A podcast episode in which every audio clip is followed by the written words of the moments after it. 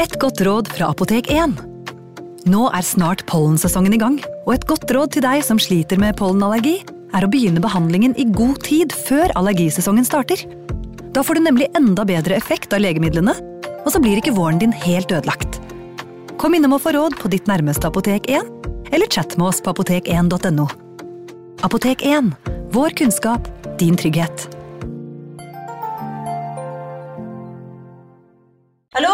Jeg kommer fra Oslo politikammer. Ine Jansen er purk. Er du purk? The motherfucking bitch. Alt jeg vil, er å finne ut hva som skjedde med mannen min. Jon Carew. Er jeg sikta for noe? Iben Akeli. Det er du.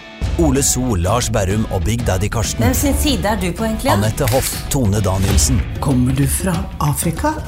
Jørnis Josef, Nesten kløfta. Trond Espen Seim, Det er synd å si det, men det var feil mann som døde. Purk. Premiere tirsdag på TV2 Play.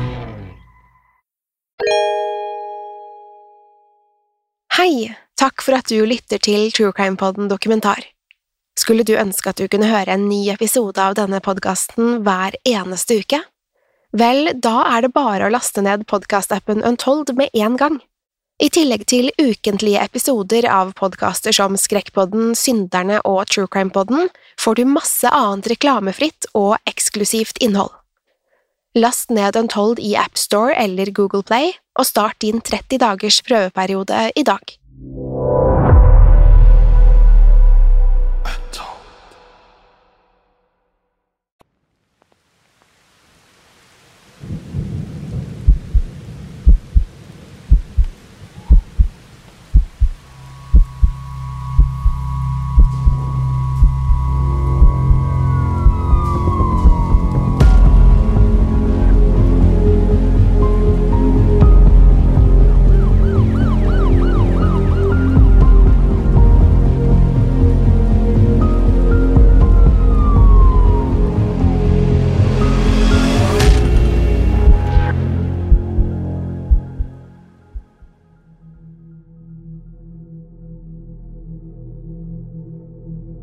smilte kjekt til tilskuerne idet han ble ført gjennom portene til Indiana Reformatory.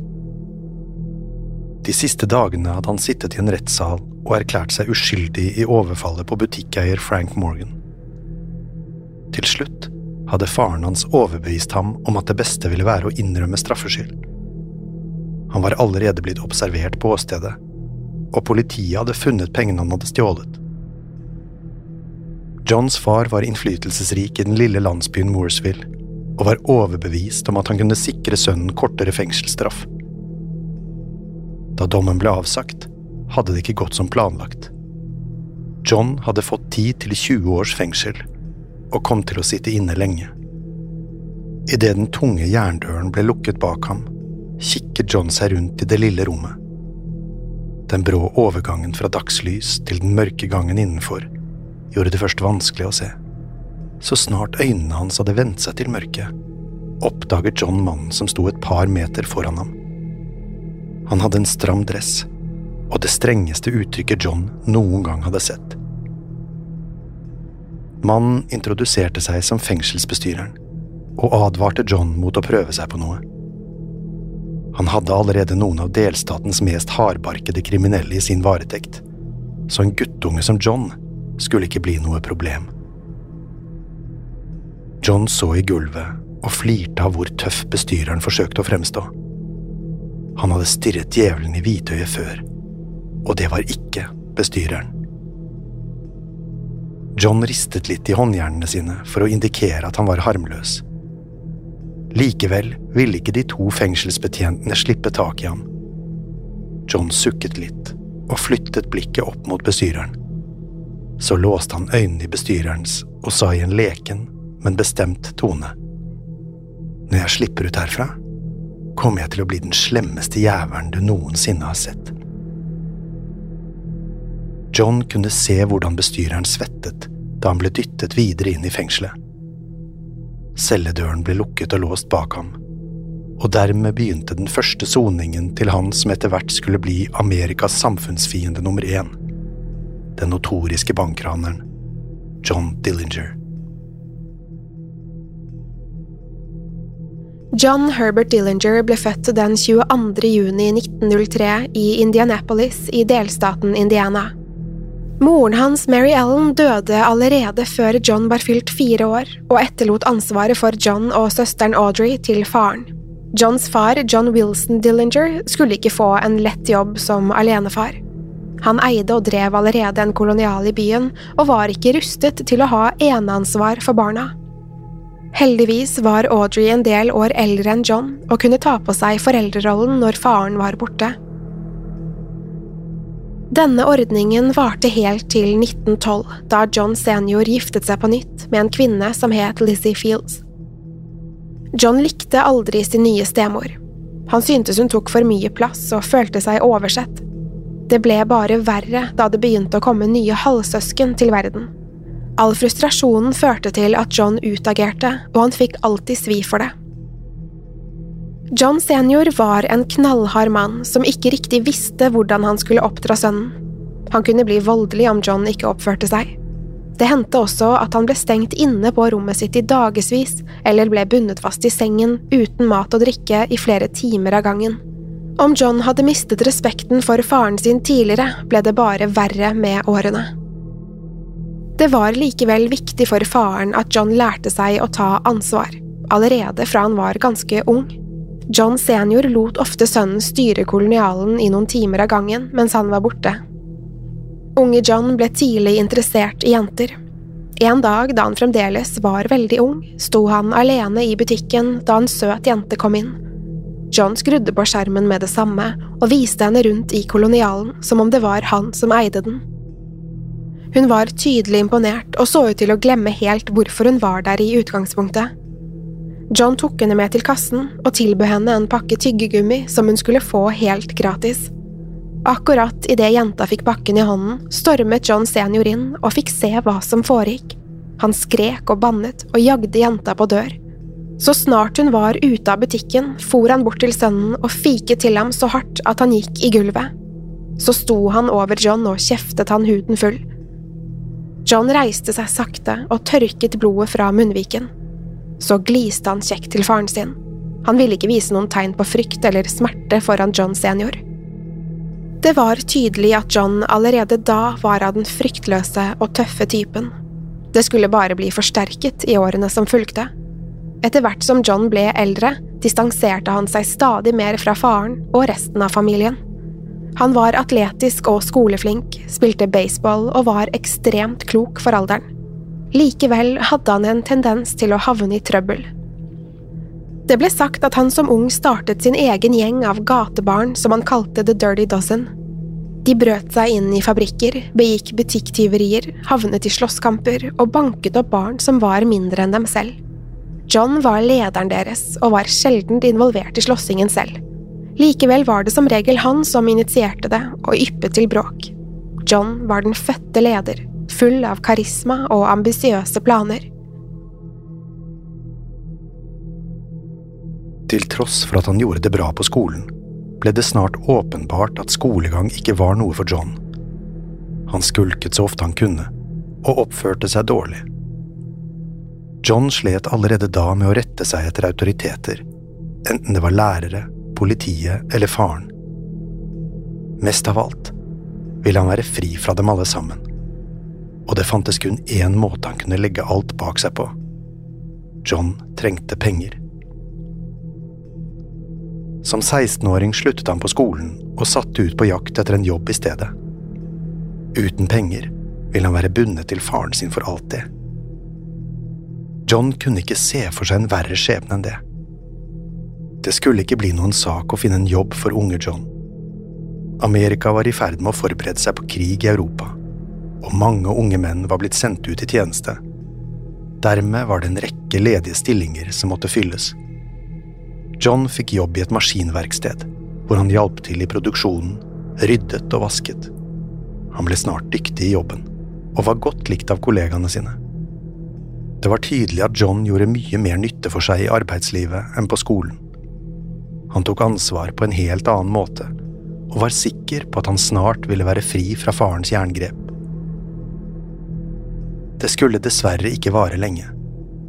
I 1921 bestemte John senior seg for å flytte hele familien til landsbyen Mooresville. Han likte ikke hvordan storbyen påvirket sønnen, og ville at han skulle fortsette utdanningen sin. Derfor flyttet inn på en gård, og John ble sendt tilbake på skolen. Forsøket var forgjeves. John hadde ingen interesse av å gå på skole. Etter kun et halvt år droppet han ut, og fortsatte å jobbe i maskinverkstedet. Det var et stykke fra Mooresville til Indianapolis, så John måtte pendle med motorsykkelen sin. Faren ble bare nødt til å innse at slaget var tapt. John ville aldri komme seg gjennom skolegangen. Det var mens han bodde i Mooresville at John skulle finne sin første kjærlighet. Johns onkel hadde en stedatter som het Frances Thornton. De forelsket seg, og snart hadde John fridd til henne. Dessverre for John skulle heller ikke dette vare lenge. Onkelen var lite fornøyd med hvor fort paret gikk frem. Han mente de var altfor unge til å gifte seg. Dessuten syntes han det var upassende at stedatteren skulle gifte seg med nevøen hans. John protesterte, men det var nytteløst. I juli 1923 tvang onkelen dem til å gå fra hverandre. John var knust og opprevet og visste ikke riktig hvor han skulle gjøre av seg. Hele den ettermiddagen vandret han gatelangs og ønsket seg langt bort. Han måtte komme seg til et sted hvor ingen kunne bestemme over ham. Før han visste ordet av det, hadde han gått helt til den gamle kirken i utkanten av byen. Det var da han fikk en idé. Da han var sikker på at han var alene, stjal han en bil fra parkeringsplassen ved kirken og spant av gårde nedover veien. Med en pistol i lommen og tankene tilslørt av sinne og frustrasjon kjørte han mot Indianapolis. Han ante ikke hva han skulle der, men han visste at han måtte komme seg bort. John kom frem den kvelden og satte fra seg den stjålne bilen langs veien. Så vandret han målløst gjennom gatene. Han hadde gått slik i egne tanker hele natten, helt til han støtte på en politibetjent. Av en eller annen grunn ble betjenten interessert i John og ville vite hva han holdt på med. John svarte vagt og unnvikende, noe som gjorde betjenten enda mer mistenksom. Om John hadde blitt provoserende, er ikke godt å si, men plutselig hadde politibetjenten bestemt seg for å arrestere ham. John hadde ingen interesse av å bli avhørt. Han var endelig fri og nektet å bli med til politistasjonen. Da betjenten grep tak i han, spant han ut av jakken sin og sprintet nedover veien. Betjenten kastet fra seg jakken og satte etter ham, men det var til ingen nytte. John var mye raskere og var borte før betjenten rakk å få tak i ham. John hadde unnsluppet politiet for første gang i sitt liv, men det skulle bli langt ifra den siste. Han løp alt han kunne, helt til han nådde en gård i utkanten av byen. Der snek han seg inn på låven og lå lavt i et par dager. John var livredd for å bli oppdaget, da var han sikker på at de ville sende ham tilbake til faren. Om det var ett sted han ikke ville nå, så var det til Mooresville. Han trengte en utvei som sikret at han verken ble arrestert eller sendt hjem. Det var bare én løsning som John kunne se. Om han meldte seg til tjeneste i Sjøforsvaret, kunne han komme seg bort derfra og forsvinne i mengden. Dermed var det avgjort. John Dillinger skulle bli matros. Den sommeren ble John sendt ut med skipet USS Utah, men det var ikke helt slik han hadde sett det for seg. John ble satt til å skuffe kull inn i forbrennerne i maskinrommet. Det var ingen variasjon i arbeidet. Hver dag var lik, og han kjedet seg voldsomt. John mente selv han var altfor god for en så meningsløs jobb. Hver gang de la til kai, forlot John skipet med det samme, uten tillatelse. Han dro rett på byen og sjarmerte unge kvinner. Når han kom tilbake, kunne han vente seg straff. John ble låst inne i kahytten sin og fikk trekk i lønnen, men det så ikke ut til å bite på ham.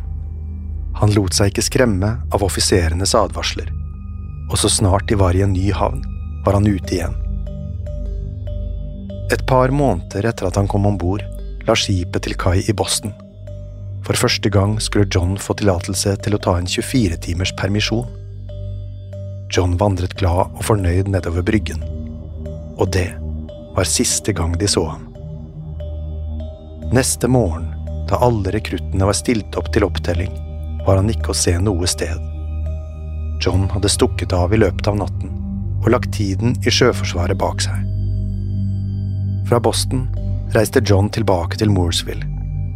Våren 1924 skulle han møte en ny kvinne der som het Barrel Ethel Hovius. De giftet seg i april, og John var endelig klar for å slå seg til ro. Planen var å få seg en stødig jobb, et hus og en familie. Likevel var ikke livet som kjærlig ektemann helt det John hadde forventet. Han slet med å finne seg en jobb, og tilbrakte heller dagene med å spille baseball og drikke med lagkameratene sine. Sistnevnte var ikke så enkelt som å besøke en bar på den tiden. I 1920 hadde USA innført alkoholforbud i grunnloven. Det ble starten på den 13 år lange forbudstiden. Mange mente alkohol var en folkefiende og ikke førte noe godt med seg. Dermed ble det ulovlig å produsere, transportere og selge alkohol.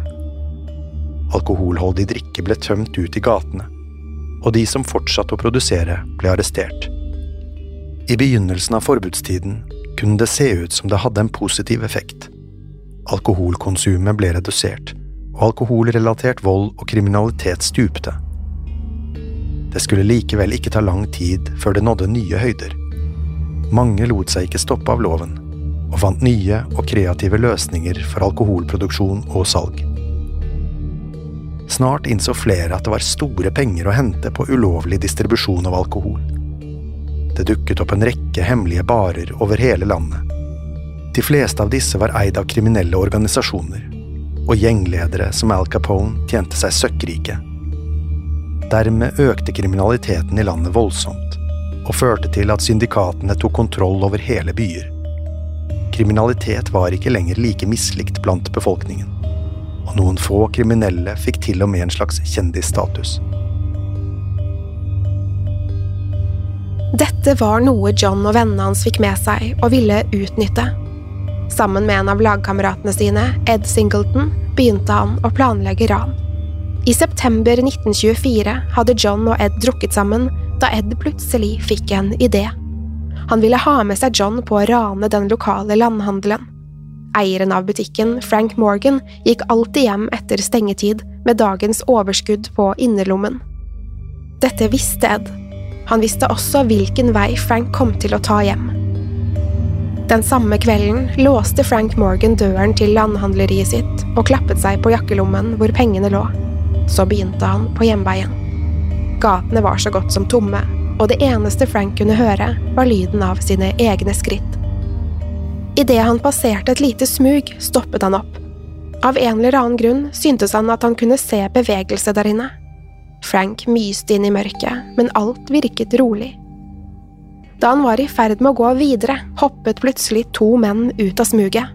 Den ene siktet på Frank med en pistol, og den andre holdt et jernrør over hodet. Frank forsøkte å snakke til mennene, men det var nytteløst. De gikk til angrep, og Frank fikk et slag mot hodet. Han segnet om på bakken, og blikket ble tilsløret. Plutselig kunne han kjenne en hånd gripe etter pengene på innerlommen hans. Frank gjorde det han kunne for å komme til hektene. Han snublet seg opp i knestående, akkurat idet han kjente det kalde løpet på pistolen mot pannen. Nå var gode råd dyre. Frank var nødt til å velge sitt neste trekk med omhu. Hodet hans verket, og han kunne kjenne blodet sildre fra pannen. Likevel ville han ikke at ranerne skulle få stikke av med pengene. Lynraskt klarte Frank å dytte bort pistolen og kastet seg over angriperne. De kjempet, men ranerne var for sterke for ham. Plutselig ble et skudd løsnet fra pistolen. Kulen forsvant inn i mørket og lagde et veldig leven. Alle innen en kilometer ville ha hørt det. Om det var politi i nærheten, ville de snart dukke opp. Det var nok til å skremme bort de to ranerne. Dermed røsket de til seg pengene og sprintet nedover gaten. Igjen lå Frank Morgan blødende på bakken. Han var i live, men stygt skadet. John og Ed satte av sted i fullt firsprang. John hadde aldri følt noe lignende i hele sitt liv. Adrenalinet pumpet gjennom kroppen, og han hadde et digert glis om munnen. Selv om de ikke hadde fått med seg stort mer enn 50 dollar, var han i lykkerus. Det meste hadde gått etter planen, og han elsket det. Lykken skulle likevel være kortvarig. Mens de spurtet nedover gaten, hadde de blitt sett av en kirketjener som gjenkjente dem. Dagen etter ble observasjonen rapportert til politiet, og John og Ed ble arrestert med det samme. Dermed sto John overfor sin første rettssak. Retten gjorde kort prosess av ham, og John ble dømt til 10–20 års fengsel for ran og overfall. John ble sendt til Indiana Reformatory utenfor Indianapolis, hvor han skulle tilbringe mange år av sitt liv. Han var kun 21 år gammel, og allerede en dømt kriminell. Til tross for det beholdt han all den fryktløsheten og skjermen som han senere skulle bli så kjent for. John hadde en måte å ordlegge seg på som definerte hele personligheten hans. Da han ble ført inn i fengselet, så han fengselsbestyreren rett i øynene. Så gliste han og sa at han ikke kom til å bli noe vanskelig, bortsett fra den dagen han skulle rømme derfra. I løpet av tiden sin i Indiana Reformatory skulle John forsøke å rømme hele fire ganger. To ganger klarte han å snike seg ut av cellen sin.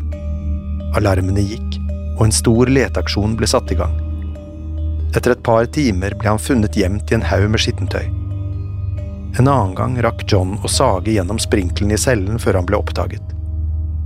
Den siste gangen han prøvde å rømme, hadde han begynt å klatre over fengselsmurene, men ble tatt før han kom helt over.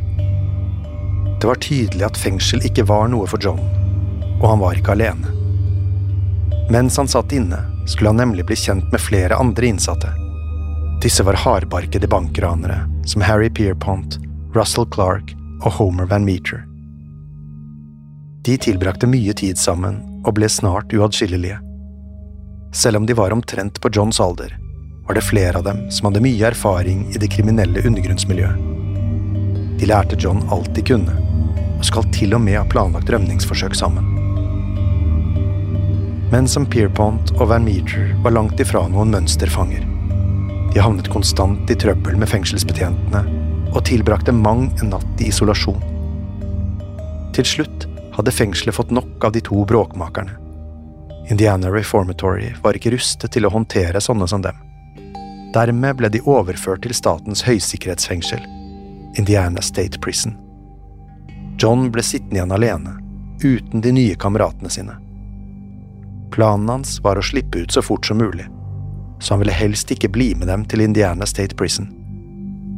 Siden rømningsforsøkene hans hadde vært alt annet enn vellykkede, innså John at hans beste mulighet var prøveløslatelse det betydde at han var nødt til å oppføre seg. Mens John ventet på å bli vurdert for prøveløslatelse, brukte han tiden på å spille baseball. Fengselet hadde et eget lag, og John skled rett inn. Der fikk de spille mot andre halvproffe lag under streng overvåkning. John var en ekstremt dyktig baseballspiller, og mange som så på mente at han kunne spilt på toppnivå. Da tiden endelig var inne for at John skulle vurderes for prøveløslatelse, gikk det ikke som planlagt. Selv om han hadde oppført seg eksepsjonelt bra den siste tiden, var ikke juryen overbevist om at han var reformert. Alle rømningsforsøkene hadde ødelagt for mulighetene hans. Dermed ble det bestemt at John skulle fortsette å sone straffen sin. John var rasende. Han kunne ikke skjønne at den gode oppførselen ikke veiet opp for noe som helst. Likevel hadde han en plan. Om han ikke kunne slippe ut, kunne han i det minste gjenforenes med kameratene sine. Derfor ba han om å bli overflyttet til Indiana State Prison. Til juryen sa han at de hadde et bedre baseballag, og de gikk fem på. Mange av de som skulle ta avgjørelsen, hadde sett John spille, og var overbevist om at baseball kunne bli redningen for ham. Dermed ble John sendt til Indiana State Prison i 1929, hvor han ble tatt imot med åpne armer av Harry Pierpont og Homer Van Meter. Så snart de var sammen igjen, begynte de å planlegge hvordan de skulle komme seg ut derfra. De var klare for å ta verden med storm og bli Amerikas farligste og mest notoriske kriminelle. Drømmen deres var klar. Bankran, svindel, penger og kvinner var det de ønsket seg, og de visste nøyaktig hvordan de skulle gå frem. John var den første som kom til å bli vurdert for prøveløslatelse. Dermed ville det bli hans jobb å hjelpe de andre å rømme. De var ikke klar over det selv, men det som brygget innenfor murene i Indiana State Prison, var begynnelsen på en gjeng. Så snart de var fri, kom de til å bli den mest beryktede banden Midtvesten noen gang hadde sett. Det som ble formet i fengselet, var de første tegnene på det som snart skulle bli The Dillinger Gang. I spissen sto John Dillinger, USAs samfunnsfiende nummer én.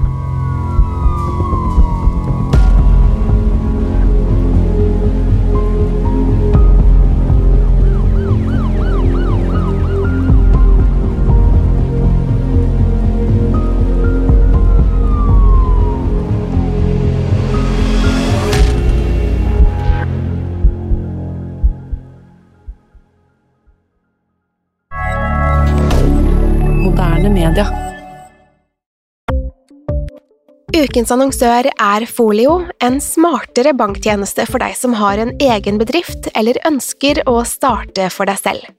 Folio er en superenkel nettbank for bedrifter. Som kunde i Folio får du en bedriftskonto med et bedriftskort og app. I denne appen er det smarte løsninger som forenkler regnskapet ditt, uansett om du har en liten bedrift eller et enkeltpersonsforetak. Folio er både intuitivt og brukervennlig, og er laget med et enkelt språk. I tillegg tilbyr de forutsigbare priser og ingen skjulte gebyrer. Skulle du likevel trenge det, så kan du snakke med deres raske og hyggelige kundeservice, og der får du prate med en faktisk person og ikke en chatbot. Folio er med andre ord både enklere og koseligere enn banken. Over 10 000 bedrifter har allerede valgt Folio som sin banktjeneste, så besøk folio.no og se hvordan Folio kan forenkle din hverdag også. Har du et enkeltpersonforetak eller en liten bedrift? Da er du sikkert lei av å høre meg snakke om hvor enkelt det er med kvitteringer og bilag i fiken, så vi eh, gir oss her, vi. Fordi vi liker enkelt. Fiken superenkelt regnskap. Kiwi er billigst i VGs matbørs og har vært billigst i fire av de fem siste VGs matbørser. Og nå presser vi prisene på frukt og grønnsaker. På 200 gram broccolini setter vi prisen til 24,90. På 400 gram Cevita blåbær setter vi prisen til 49,90. Og husk, alle Kiwi Pluss-kunder får i tillegg 15% trumfbonus på all fersk frukt og grønt. For det er vi som er prispresserne. Og vi i Kiwi gir oss aldri på pris.